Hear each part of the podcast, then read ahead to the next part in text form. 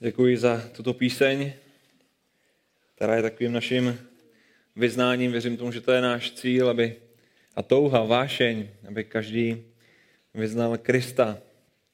A svým způsobem o tom bude i to, i to dnešní slovo, které snad nebude moc dlouhé.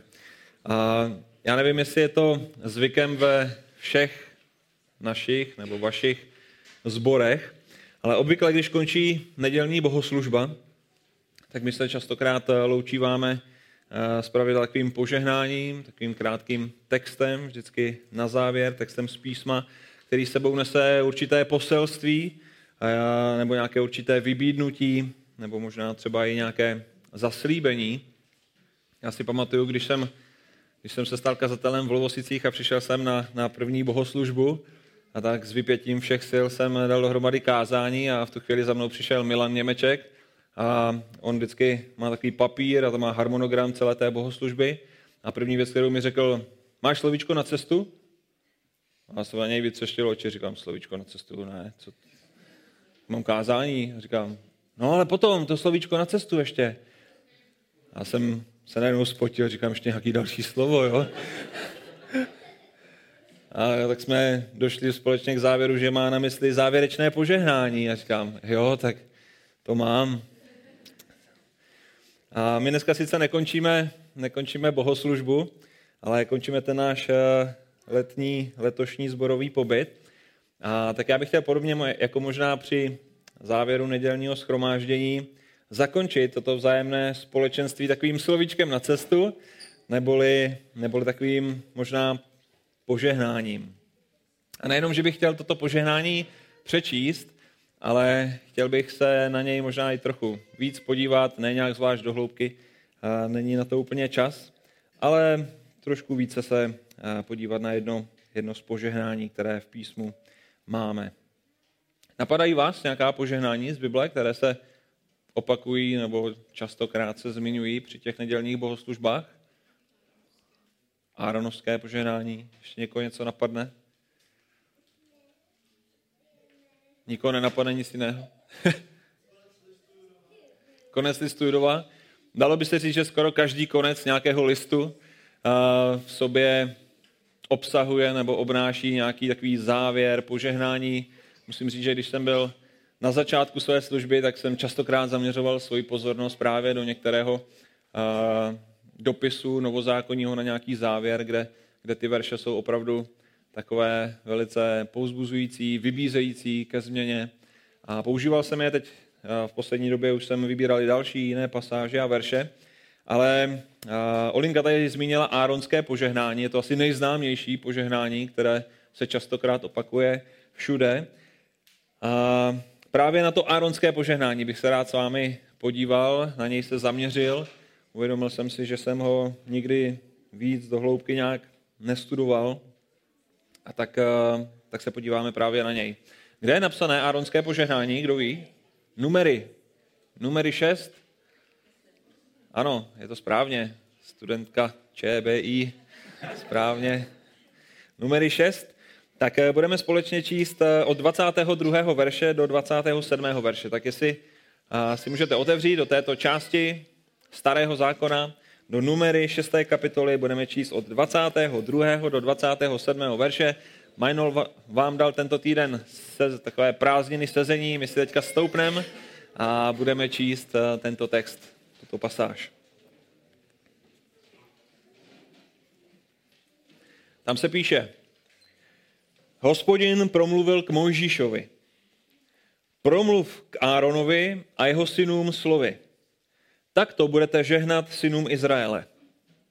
Říkejte jim, ať hospodin žehná a chrání tě.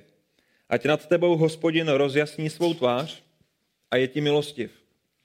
Ať k tobě hospodin pozvedne svou tvář a zahrne tě pokojem. Budou klást mé jméno na syny Izraele a já jim požehnám. Tolik ze čtení Božího slova. Můžeme se posadit.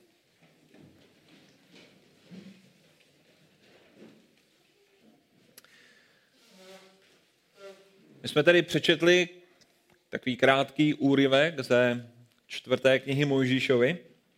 A pokud jste někteří, podobně jako Jaruška třeba, chodili na ČBI, tak si jistě pamatujete nebo, nebo víte, že všechny události zapsané v numery ve čtvrté Mojžíšově od první do 14. kapitoly, tak všechny tyto události v těchto kapitolách se staly v období jednoho roku. Staly se v roce, nebo stalo se to všechno v roce 1444 před naším letopočtem, tedy odehrálo se to pouhý jeden rok, jeden rok po exodu, neboli vyjítí z Egypta. A za tento jeden rok od výjití z Egypta se toho v pustině stihlo odehrát docela dost, že? Poté, co byl izraelský lid vysvobozen z egyptského zajetí, poté, co byl zbaven otroctví, poté, co byl ohromen velikými znameními a zázraky, které hospodin Bůh před jejich očima vykonal, tak oni přes to všechno už stihli být nevěrní, už stihli být malomyslní, už stihli být reptaví. Naštěstí jim hospodin Bůh postavil do čela Mojžíše, muže božího, který miloval hebrejský národ, hebrejský lid, který se obětoval pro tento svůj rod, který se za něj přimlouval a který opravdu dělal všechno pro to, aby pro Izrael zachoval boží přízeň. Když si synové Izraele udělali modlu a Bůh je chtěl pro jejich nevěrnost zničit a vlastně nechat naživu jenom Mojžíše, tak my víme, že Mojžíš se pokořil, Mojžíš prosil, Mojžíš držel půst, Mojžíš volal k Bohu, aby jejich životy uchránil. A my víme, že hospodin se smiloval, nastavil se určitý systém, který Bůh Izraeli ustanovil a mezi množstvím právě různých nařízení a příkazů a pravidel, které vidíme zejména v těch knihách eh, Levitikus a Numery, tak my čteme tuto krásnou, úžasnou, nádhernou pasáž, kdy hospodin promlouvá k Mojžíšovi říká, aby sdělil svému bratru Áronovi a jeho bratrům, nebo můžeme říct si dalším lévitům, aby žehnali synům Izraele. Jinými slovy říká jim, co mají provolávat vůči lidu. Jak mají k Izraeli promlouvat, jak mají Izraeli žehnat. A když jsem eh, pozoroval trošku tady to Áronovské požehnání, když jsem se připravil na toto kázání, tak musím říct, že mi to trochu připomínalo jinou pasáž v Novém zákoně, a to modlitbu páně, jak pán Ježíš Kristus učil své učedníky, jak se mají modlit. Tady my máme něco podobného ve starém zákoně, i když o to třeba Áron neprosil, jako o to prosili učedníci, ale jako by tady Bůh učil vlastně ty starozákonní kněze, jak mají správně žehnat božímu lidu. A Bůh říká, tak to budete žehnat synům Izraele. A dává jakýsi vzor, možná jakési tři výroky, můžeme říci, tři prohlášení, tři věty. A v každé z těchto vět je označení Boha, je tam, je tam boží jméno. Ať hospodin ti žehná a chrání tě. Ať nad tebou hospodin, po druhé, rozjasní svou tvář a je ti milostiv. A Třetí, ať k tobě hospodin pozvedne svou tvář a zahrne tě pokojem. Víte, Bůh ve svém slově častokrát zmiňuje a zdůrazňuje některé číslice, jimiž eh, chce častokrát něco sdělit. A tedy číslice, které sebou nesou určitou, můžeme říci, pointu. A někdy to dělá transparentně a tak na mnoha místech eh, můžeme vidět opakující se čísla jako 3, 7, 12, 40 a, a tak dále. Ovšem jindy tyto číslovky nepoužívá, ale v konkrétních verších nebo pasážích, nebo třeba i celých knihách uvádí, uvádí určitý výčet něčeho, který dává dohromady nějaké číslo, a jenž může nebo má také na něco ukazovat, jenž také něco demonstruje nebo, nebo symbolizuje. A právě zde bych řekl, že tyto tři výskyty označení Boha hospodina mají značit pravdu ve starém zákoně víceméně skrytou, ale nám již dávno odhalenou a to, že Bůh existuje ve třech osobách. Je to, možná můžeme říci, jakási příprava, je to jakási zmínka, náznak, indicie pro z jejich pohledu budoucí generace. Aby až v Novém zákoně bude tato myšlenka jasnější a odhalena, tak aby bylo zřejmé, že tomu tak bylo vždycky, že tomu tak bylo od jak živa.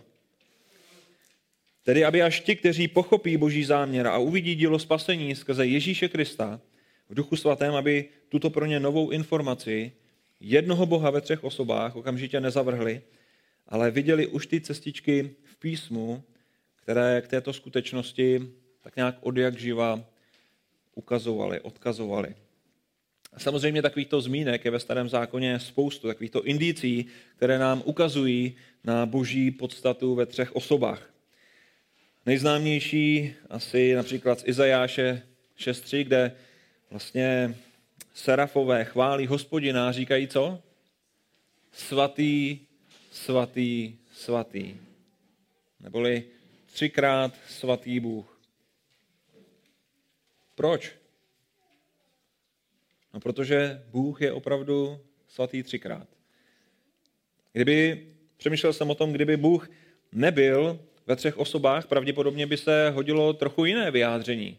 Možná, že by se hodilo nekonečně svatý Bůh. To by podle, mne, podle mého mnohem lépe tak nějak eh, poukazovalo na tu boží dokonalost, než svatý, svatý, svatý. Proč třikrát svatý? Ale Bůh se nechává ve svém slově označovat a oslovovat právě tímto způsobem. Třikrát svatý Bůh. A v požehnání, které je skrze Mojžíše předáváno Áronovi a jeho synům, je jeho výskyt také třikrát. Vidíme tam hospodin, hospodin, hospodin. Trojitý výskyt, který má co dočinění s jeho jménem. Je tam ten tetragram, JHVH, který židé z úcty četli jako Adonai. A vlastně i ten 27. verš nám ukazuje, že má co dočinění s jeho jménem. Tam se píše, budou klást mé jméno na syny Izraele. Lévité budou klást boží jméno na, na syny Izraele a on, nebo z pohledu Boha, a já jim poženám, on jim požehná. Tady v tom 27. verši, vlastně v závěrečném verši celého tohoto požehnání, je vlastně uveden celý ten důvod neboli smysl, proč mají lévité žehnat. A proč mají právě žehnat tímto způsobem? Proč mají v rámci tohoto požehnání vzít třikrát toto boží jméno a použít jej neboli vyslovit v přítomnosti izraelského lidu v tomto kontextu? Proč? Proto, jak to tam vidíme, aby izraelský lid, který už byl tolikrát nevěrný, který už byl tolikrát spurný, měl stále před očima všemohoucího Boha aby měl neustále před očima jeho dobrotu. Aby si izraelský lid nadále a opakovaně připomínal boží lásku a především, aby si připomínal jeho zaslíbení, které bylo předpovězeno už jejich otcům. Tedy nejen tak nějaké zaslíbení, ale ve výsledku zaslíbení jehož jsou aktivně účastny všechny osoby Boha. O jaké jde zaslíbení? Jde o zaslíbení dané již Abrahamovi. Zaslíbení, na které izraelský lid čekal. Zaslíbení, které se Bohu zalíbilo naplnit ve svůj čas skrze všechny osoby jeho bytí. Tedy Otce, jeho Syna i Ducha Svatého. A k tomuto okamžiku se Bůh snažil směřovat jejich pozornost. I když můžeme říci, že to jejich poznání bylo v té době opravdu velice částečné. To důležité však bylo, aby se od Boha, respektive Božího jména, Izraelité neodvraceli, aby mu zachovali věrnost, aby na něj upřeli svůj zrak, aby se spolehali na něj. A tak pokaždé, když kněz nebo kněží pozvedali své ruce a opakovali tato slova Áronovského požehnání, bylo to na takovou připomínku toho, co Bůh plánuje se svým lidem učinit. Odkazovalo to dopředu. Jinými slovy, pokaždé, když kněz žehnal těmito slovy synům Izraele, mělo to upoutat jejich pozornost a zaměřit je k boží dobrotě, k boží milosti a okamžiku díla jeho záchrany. Mělo jim to připomenout boží věrnost, kterou si Bůh sám přece vzal.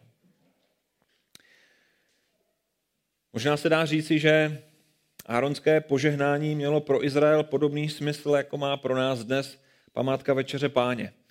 A když si připomínáme, co pro nás Pán Ježíš Kristus udělal, jakou milost nám ve své zástupné oběti nabídl. Co se v nás odehrává, když, když slavíme památku Večeře Páně?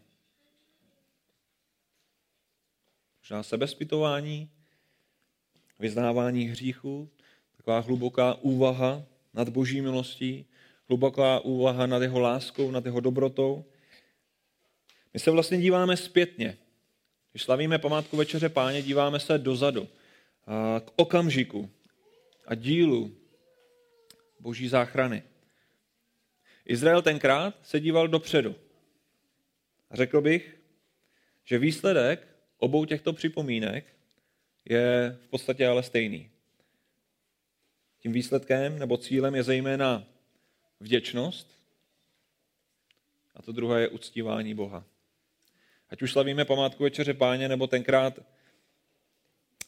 kněží žehnali izraelskému lidu těmito slovy, vždycky to mělo a má vést nás posluchače k vděčnosti a k uctívání našeho Boha. My zpětně vidíme veškeré boží požehnání. Nám už bylo zjeveno to dávné tajemství záchrany. Poznáváme plán spasení v Pánu Ježíši Kristu skrze Ducha Svatého, ale lid tenkrát ten byl teprve v očekávání.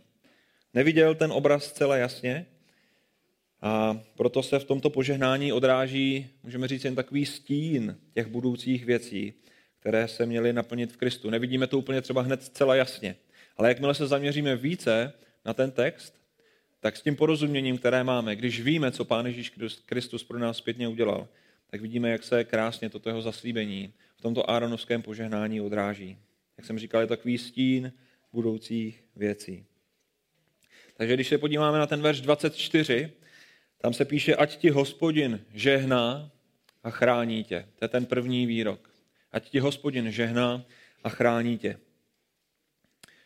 Co to znamená to žehnání? Vlastně, když jsem si připravoval tohle kázání, tak ta první věc, nebo ta hlavní myšlenka, na které jsem to chtěl postavit, bylo žehnání, neboli požehnání. Co je toto žehnání? Co je toto požehnání? Hebrejské slovo, které je zde použité v tomto textu, zní beraka. A toto slovo beraka znamená něco ve smyslu udělení nebo udílení dobra. A když se bavíme o požehnání, tak požehnání je vlastně opak zlořečení. Zlořečení má zase za cíl vlastně všechno zlo, že? Svrhnout na někoho všechno zlo. Požehnání je opak. Tam je snaha udílení dobra. A tak se dá tedy říci, že věta, ať hospodin tě žehná, znamená, ať ti všemohoucí Bůh projeví dobro. Veškeré dobro. Ať ti hospodin požehná tím nejlepším. Ať ti dá to nejlepší, projeví ti to nejlepší. A ze slovo beraka, požehnání, z toho hebrejského slova beraka, potom vychází ještě další jiné podobné slovo, které zní báruk. Možná známe i starozákonní postavu báruk. A, a báruk znamená požehnaný. Vidíme tam tu podobnost, že? A stejně jako v hebrejštině, tak i v češtině tyto slova mají podobný nebo stejný základ, kořen. Požehnaný, požehnání, tam není skoro žádný rozdíl. Beraka, Báruk, tam máme ty samohlásky, které jsou stejně postaveny. A vždycky, když se ve starém zákoně toto slovo Báruk, neboli tedy požehnaný, vztahuje k hospodinu, tak to vyjadřuje chválu. Chváli, chválihodnost, můžeme říci. Pokud se však vztahuje toto slovo k člověku, tak tento termín vyjadřuje, můžeme říci, štěstí, to je ten význam, štěstí, a nebo ještě lépe také blaho. A tak tedy výsledkem takovéhoto požehnání, které mají lévité skládat na izraelský národ, tak mělo být ve smyslu takového projevení dobra ze strany Boha ve smyslu blaha a ve smyslu štěstí. A ještě chvíli vás budu možná trápit, to je to etymologii slova. Novozákonní ekvivalent tohoto slova báruk je termín, který jste možná někdy slyšeli, makarios. A víte, jak se překládá nejčastěji slovo makarios? Je to, je to docela časté slovo, můžeme říci v Novém zákoně. A toto slovo se překládá jako blahoslavený. Makarios je blahoslavený, je to ekvivalent starozákonního báruk. A taky blahoslavený je člověk, který je, je šťastný. Je to, je to člověk, je to, je to osoba, které pán Bůh žehná. A my to známe, hlavně v Lovosicích jsme studovali kázání nahoře, vidíme tam blahoslavenství, jací jsou vlastně lidé, kteří jsou blahoslavení. A, a tedy znovu ten význam tohoto prvního výroku je tedy, ať tě hospodin žehná ve smyslu, ať tě hospodin udělá, učiní šťastným, ať tě učiní blahoslaveným ve smyslu nějakého přání nebo blahopřání k veškerému dobru. Nejen tak k nějakému dobru, ale k veškerému dobru. Jak jsem říkal, zejména my v Lovosicích to víme, to, jak takový stav blahoslaveného člověka vypadá, to my známe a věřím tomu, že to znáte i vy ostatní. A když pomíneme Matouše 5, kde jsou tato blahoslavenství, tak můžeme se podívat do žalmu, že hned žalm 1, další žalmy, přísloví. Máme Bibli, která je plná blahoslavenství nebo, nebo vyjádření lidí, kteří jsou blahoslavení. A na první pohled sice možná můžeme říci, že blahoslavení můžou vzbuzovat a, takové nějaké politování, protože je třeba v tom Matouši 5 vidíme, že blahoslavení jsou ti, kteří jsou pro nás sledováni.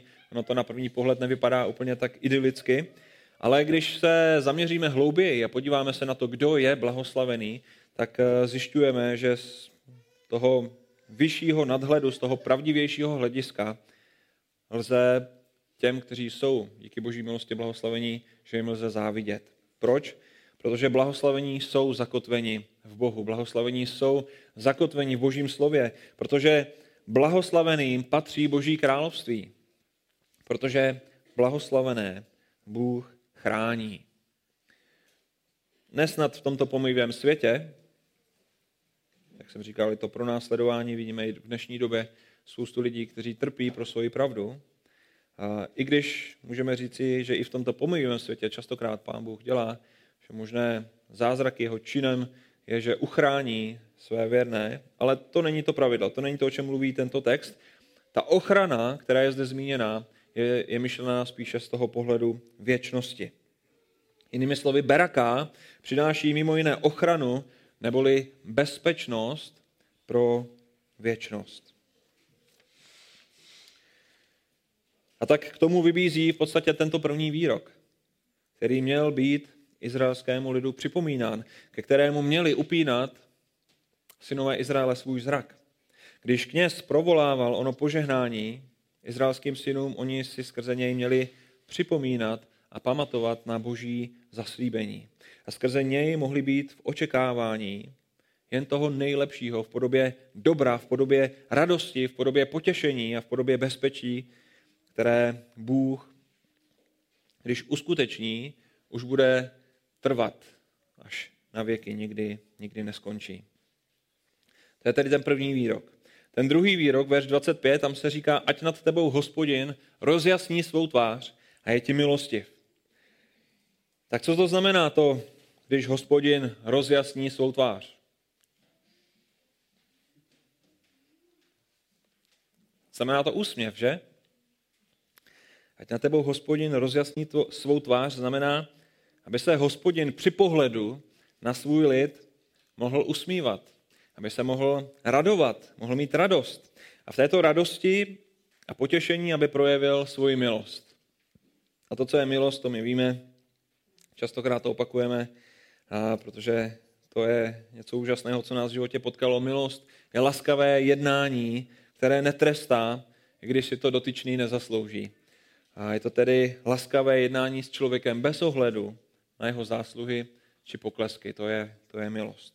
Jinými slovy, opět významově kněží předkládali svým, Izra- svým synům Izraele myšlenku přání, blahopřání, kdy upínali pozornost boží radosti a neodolatelné boží milosti. To je význam této druhé, tohoto druhého výroku, této druhé fráze, kterou tady máme.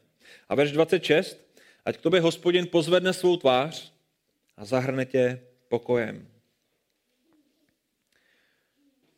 Kdy v písmu, řekněte mi, kdy v písmu hospodin, Bůh, pozvedá svou tvář? Co to je to pozvednout svou tvář? Tak aby někdo mohl pozvednout svou tvář, tak ji asi musí mít nejdřív skloněnou. A když ji pozvedne, tak co se stane?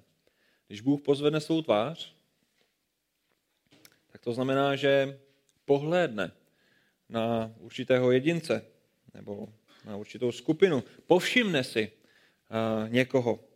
My v písmu častokrát pozorujeme, jak se píše, i zhlédl hospodin Bůh na toho či onoho. A potom je tam častokrát, když k němu volal. Že lidé volali k hospodinu, prosili a i zhlédl hospodin Bůh. K někomu viděl nějaké trápení, viděl nějaký zármutek, viděl nějaký žel. A proto hospodin Bůh pohlédl, povšimnul si, zaregistroval. Jedná se tedy o určité zaměření pozornosti a příznivé naklonění. A potom i konec toho verše říká, co potom, když si, když si Bůh takto povšimne. Vidíme tam následnou pomoc ve smyslu zahrnutí pokojem. Jo, I shlédl hospodin Bůh, když k němu volal. A následně vidíme, jak reaguje a, a buď posílá někoho, aby, aby pomohl, nebo sám rovnou pomáhá. A tady vidíme, že pomáhá ve smyslu zahrnutí pokojem.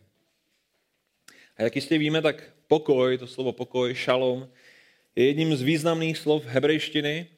Asi ho, asi ho dobře známe. A, a toto slovo znamená mnohem více než nějaká skutečnost, že není kolem člověka nějaká bouře nebo, nebo nějaké problémy. Součástí šalom je něco, co je mnohem více. Je to, je to klid srdce, je to pokoj vnitřního člověka, je to duchovní zdraví, je to duchovní růst, dostatečnost při zvládání života, tedy dostatečná duchovní síla, která je nad okolnostmi. Ano, my nemusíme zažívat klid, můžeme čelit určitému protivenství, může přicházet určitá zkouška a ta pomoc není v tom, že ta že ta zkouška najednou odejde, nebo že všechno se najednou spraví a my jsme v pořádku, ale Bůh dává svůj pokoj, že my jsme vyrovnaní s touto zkouškou. My ji dokážeme zvládat, my ji dokážeme přijímat, my ji dokážeme brát tak, jako je. Protože důvěřujeme Bohu, důvěřujeme hospodinu. To je ten pokoj, kterým nás pán Bůh, nebo který tenkrát pán Bůh a toužil zahrnout izraelský lid. A taky toto je, vlastně ten, ten třetí výrok je takový závdavek, připomínky zaslíbení, které si Izraelci měli připomínat při žehnání. Pamatovat na tuto událost a očekávat na ní, že se jednoho dne naplní, že Bůh schlédne na svůj lid, tak jako to slíbil, nakloní k němu tu svoji pozornost a naplní jejich srdce pokojem. A jak už jsem dnes řekl, to se stalo v osobě Pána Ježíše Krista. Otec poslal svého syna, aby skrze jeho smrt a vzkříšení bylo zaplacené výkupné za hříchy božího lidu. A to nejenom Izraele, ale ze všech národů, tak jak je to opět v určitých indicích označeno nebo oznámeno, naznačeno již ve starém zákoně. Je to, je to boží milost, je to boží požehnání, je to laskavé jednání, ačkoliv si to nikdo z nás, nikdo z nás nezasloužil. Přesto se hospodin raduje, když se dívá na svůj lid skrze oběť Pána Ježíše Krista. Hospodin se raduje a s ním i ti, do jejich srdcí přichází právě ten jeho pokoj. Víte, milí přátelé, bratři a sestry, když kněží žehnali tímto áronským nebo áronovským požehnáním, věřím tomu, že to muselo být jejich posluchačům velice příjemné, že to muselo být takovým velikým povzbuzením. Jsou to opravdu nádherná, hluboká slova. A věřím tomu, že i my, když e, vnímáme tyto jednotlivé verše, nebo když je slyšíme, tak jsme povzbuzeni, jsme potěšeni na tou nádherou, kterou Bůh zaslibuje. No jo, ale co tento text aronského požehnání znamená pro nás? Jak se na něj máme dívat my? Jak jsem říkal, Izraelci skrze toto požehnání upínali svůj zrak k okamžiku příchodu zaslíbeného zachránce a díky tomu prožívali vděčnost a uctívali Boha, očekávali na něj, spolehali se na něj. My se dnes k tomuto okamžiku ohlížíme zpět. To dávné tajemství, jak jsem říkal, je nám již dávno zjeveno. My uctíváme Boha nejenom díky zaslíbením, ale zejména proto, že jsme evangelium nejenom pochopili, ale ho i přijali. Jsme účastníci božího požehnání v Kristu Ježíši, jsme smíření s Bohem, máme pokoj s Bohem, pokud jsme uvěřili, vnímáme boží milost, vnímáme boží péči, vnímáme jeho starost i ochranu pro věčnost. Jakou roli tedy pro nás může hrát toto áronovské požehnání? No já bych řekl, že úplně stejnou nebo velice podobnou minimálně jako, jako tenkrát. Připomínání božích požehnání a zaslíbení, ať už tohoto nebo třeba jiného, nás totiž musí vést, stejně jako Izraelce, k zaměření se na Boha a té následné vděčnosti a uctívání. Vidět to, jak Bůh žehná svým dětem, a ještě více to, jak Bůh to zaslibuje a následně to naplňuje, to je to, co vidíme my dnes, tak to v nás musí působit radost. Vidět, to, vidět tu boží věrnost, tu jeho dobrotu.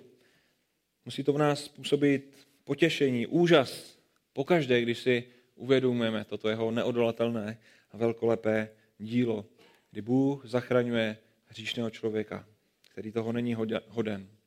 Jaká je to milost? Tady bych mohl v podstatě skončit, ale, ale dejte mi chvíli ještě. A chtěl bych se totiž s vámi podívat ještě trochu více na ten termín žehnání nebo, nebo požehnání. Nevím, jak vy, ale já častokrát, no nevím úplně častokrát, ale ano, dostávám se do situací, kdy slyším a, různé výroky typu, kdy někteří lidé přijdou a říkají, žehnám ti. Už jste to zažili někdy? Žehnám ti. Většinou jsou to lidé nějakého charismatického prostředí. Asi nejčastěji jsem se dostal do této situace, kdy jsme třeba diskutovali nějaké téma, nějak jsme se úplně neschodli a on říká, s tebou sice nesouhlasím, ale žehnám ti. A přemýšlím nad tím, co to je to žehnání nebo, nebo požehnání. Přijde mi, jestli to není taková vyprázdněná fráze, říct jako, ať žehnám ti. A... Nebo ještě si vzpomínám, když jsem byl vlastně v římskokatolické církvi, tak mnozí z vás taky pocházíte ze stejného prostředí jako já, tak tam, tam přichází častokrát kněz že, a, a žehná. Tím, že udělá nějaké gesto, nějaký symbol nebo, nebo křížek na čelo. A je toto žehnání jako má toto nějaký význam? Takové to gesto nebo, nebo taková to fráze, žehnám ti? A nebo jinak, můžeme nebo máme dnes vůbec žehnat druhým? A případně, pokud ano, tak jak? Jak už jsme si řekli na začátku, žehnat, to beraka, znamená přát někomu to dobré. Usilovat o to nejlepší pro, pro druhého člověka. A věřím tomu, že to je určitě nějaká naše touha. Je to, je to nějaká naše vášeň pro to, aby, aby ostatní, i ti lidé kolem nás, prožívali jen to nejlepší. Vlastně je to i druhé největší přikázání. Na prvním místě chceme milovat Boha Otce, na druhém místě své bližní. Pokud je máme milovat, potřebujeme usilovat, je o to, o to nejlepší, toužíme potom. A pokud tedy usilujeme o dobro, to nejlepší druhých, tak věřím tomu, že bychom to určitě neměli odbít jen tak nějakou frází, vyjádřením žehnám ti, nebo nějakým gestem. a to samotné žehnání nebo požehnání, věřím tomu, by mělo být doprovozeno ať už nějakými dalšími slovy, nebo třeba nějaké, také, také nějakými skutky. Když bychom se zaměřili na žehnání v písmu obecně, tak asi najdeme tam hned několik různých způsobů a situací, a vyjádření tohoto, tohoto žehnání. Například první, co mě napadlo, Izák, když požehnal Jákobovi, že? Velice známá situace. To bylo velice speciální, můžeme říct žehnání, speciální požehnání. Bylo to spíše takové, můžeme říct vyřčené přání v proroctví, které se mělo naplnit. A nejsem si jist, jestli něco podobného vidíme v Novém zákoně, asi mě úplně tak nic nenapadlo, ale to, co v Novém zákoně určitě vidíme, je spíše požehnání nebo žehnání ve smyslu modlitby. Například při zmíněné památce Večeře Páně, kdy Pán Ježíš Kristus vzal chléb, co on udělal? Požehnal, rozlomil a následně dával všem, že? A to požehnání zde znamená, aspoň na mě to tak působí, jakousi děkovnou modlitbou. Vzal ten chléb, poděkoval Bohu Otci, následně rozlomil a, a dával. A něco podobného vidíme i v situaci, kdy Pán Ježíš Kristus rozmnožil pět chlebů a dvě ryby, takže nakrmil několik tisíc lidí. Tam také tenkrát zvedl koše k nebi a požehnal s úmyslem dopřát to dobré svým nejbližším, svým bližním.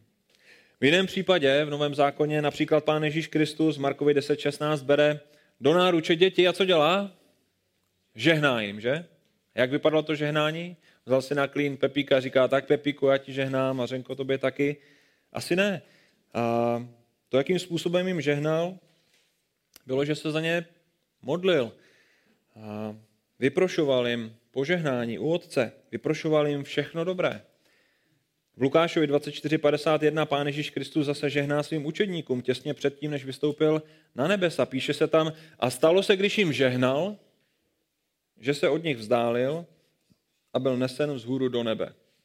Kdyby to žehnání bylo jenom v té frázi žehnám vás, tak, tak pán Ježíš by to ještě nestihl ani doříct a už by se vznesl do nebe, ale ne, pravděpodobně jim blahořečil, tak nějak eh, se za ně modlil, opět eh, vyprošoval pro ně požehnání a v té chvíli postupně byl nesen vzhůru do nebe.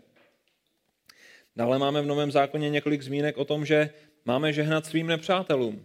A Lukáš 6.28 říká, žehnejte těm, kteří vás proklínají, modlete se za ty, kteří vám činí příkoří.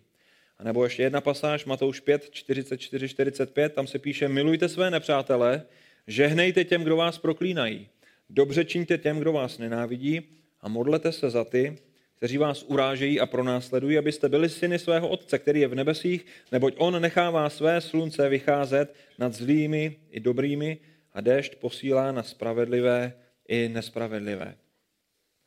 V obou těchto pasážích, které jsem nyní přečetl, vidíme, že písmo odděluje to žehnání od modlitby. Říká, žehnejte a za chvíli pokračuje a dodává a modlete se. Ovšem neřekl bych, že se v těchto verších žehnání a modlitba navzájem nějakým způsobem vylučuje, že by, že by se zákonitě muselo jednat o něco jiného. Myslím si, že o to úplně nejde. Naopak, myslím si, že tyto myšlenky v těchto verších jsou spojeny. Součástí modlitby může být jistě i žehnání, požehnání, vyprošování všeho dobrého pro druhé.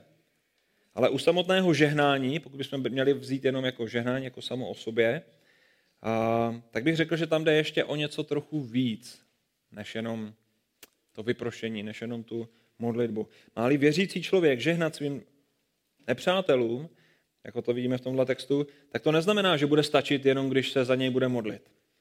Ale jde o to, že bude i aktivně nějakým způsobem usilovat a podílet se na jejich dobru. Ten verš z Matouše 5 to docela hezky vystihuje. My tam vidíme, milujte své nepřátele žehnejte těm, kdo vás proklínají. Abych mohl žehnat někomu druhému, tak vidím, že ho musím nejdřív milovat. Bez milování nejde žehnat někomu. Takže to je první věc, která je součástí tohoto žehnání. Milujte své nepřátele. Na prvním místě potřebuji milovat, abych mohl žehnat. A potom ten verš pokračuje a říká, dobře čiňte těm, kdo, na, kdo vás nenávidí.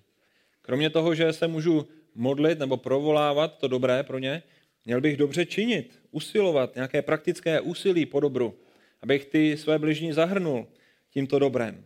A ten třetí krok, který je v tomto verši, a modlete se. Takže to je, ta, to je to vyprošení milosti. Milujte své nepřátele, dobře čiňte těm, kdo vás nenávidí a modlete se. A všechny tyhle tři věci bych řekl, že jsou součástí toho žehnání, které které můžeme my všichni činit. Všechny tyto tři výzvy jsou takovými společnými nádobami. Když pán Ježíš Kristus požehnal ty koše s jídlem, když chtěl nasytit těch pět tisíc, co on potom udělal? Určitě neodložil, že? Jako po té, co jich požehnal, že by odložil, říkal tak, hotovo, všechno v pohodě. Ne.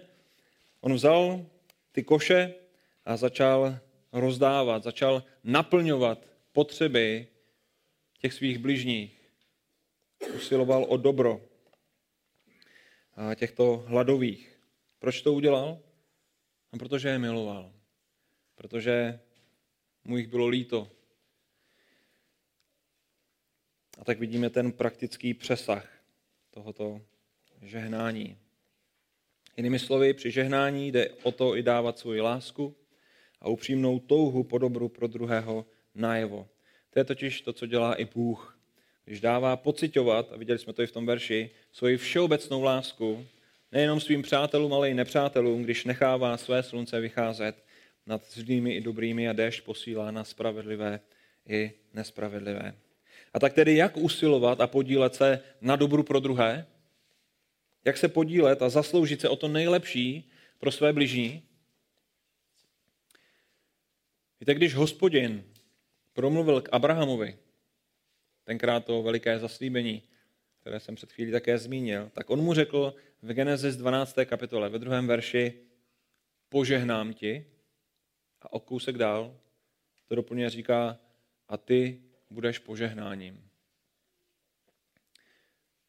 Pokud i nám Bůh požehnal, věřím tomu, že bychom i my měli být požehnáním druhým.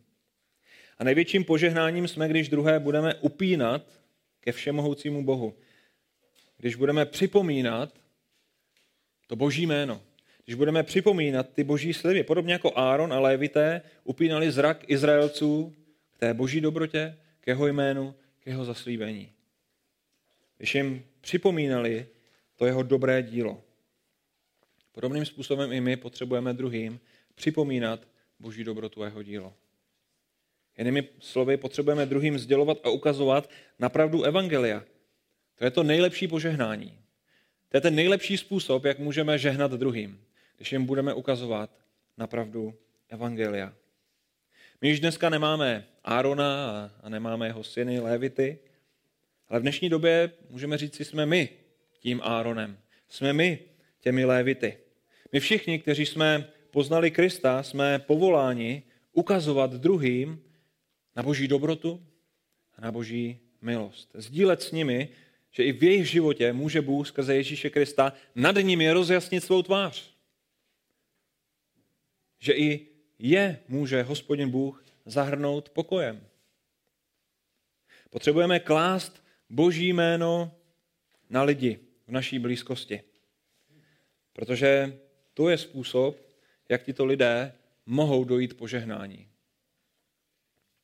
Jinými slovy opět, mám-li někomu žehnat, usilovat o to nejlepší, tak se, milí přátelé, za takového člověka musím modlit, musím takového člověka milovat a dávat mu svoji touhu dobra pro něj najevo i tím, že s ním budu evangelium sdílet, které je tím nejlepším, co může člověka potkat, ale toto evangelium mu musím ukázat i prakticky na svém životě. Nenechme to jenom na svých modlitbách, nenechme to jenom na několika málo slovech, na žehnání, ale projevujme toto naše požehnání ve vztahu k druhým celým svým životem. Stejně jako nám požehnal Bůh Pánu Ježíši Kristu, když se za nás obětoval, když jsme byli ještě hříšní, tedy ve spouře, v otevřeném nepřátelství proti němu, žehnejme i my. Obětujme se a buďme požehnáním těm, které nám Pán Bůh staví do cesty. Ať už jsou to naši přátelé, anebo nepřátelé.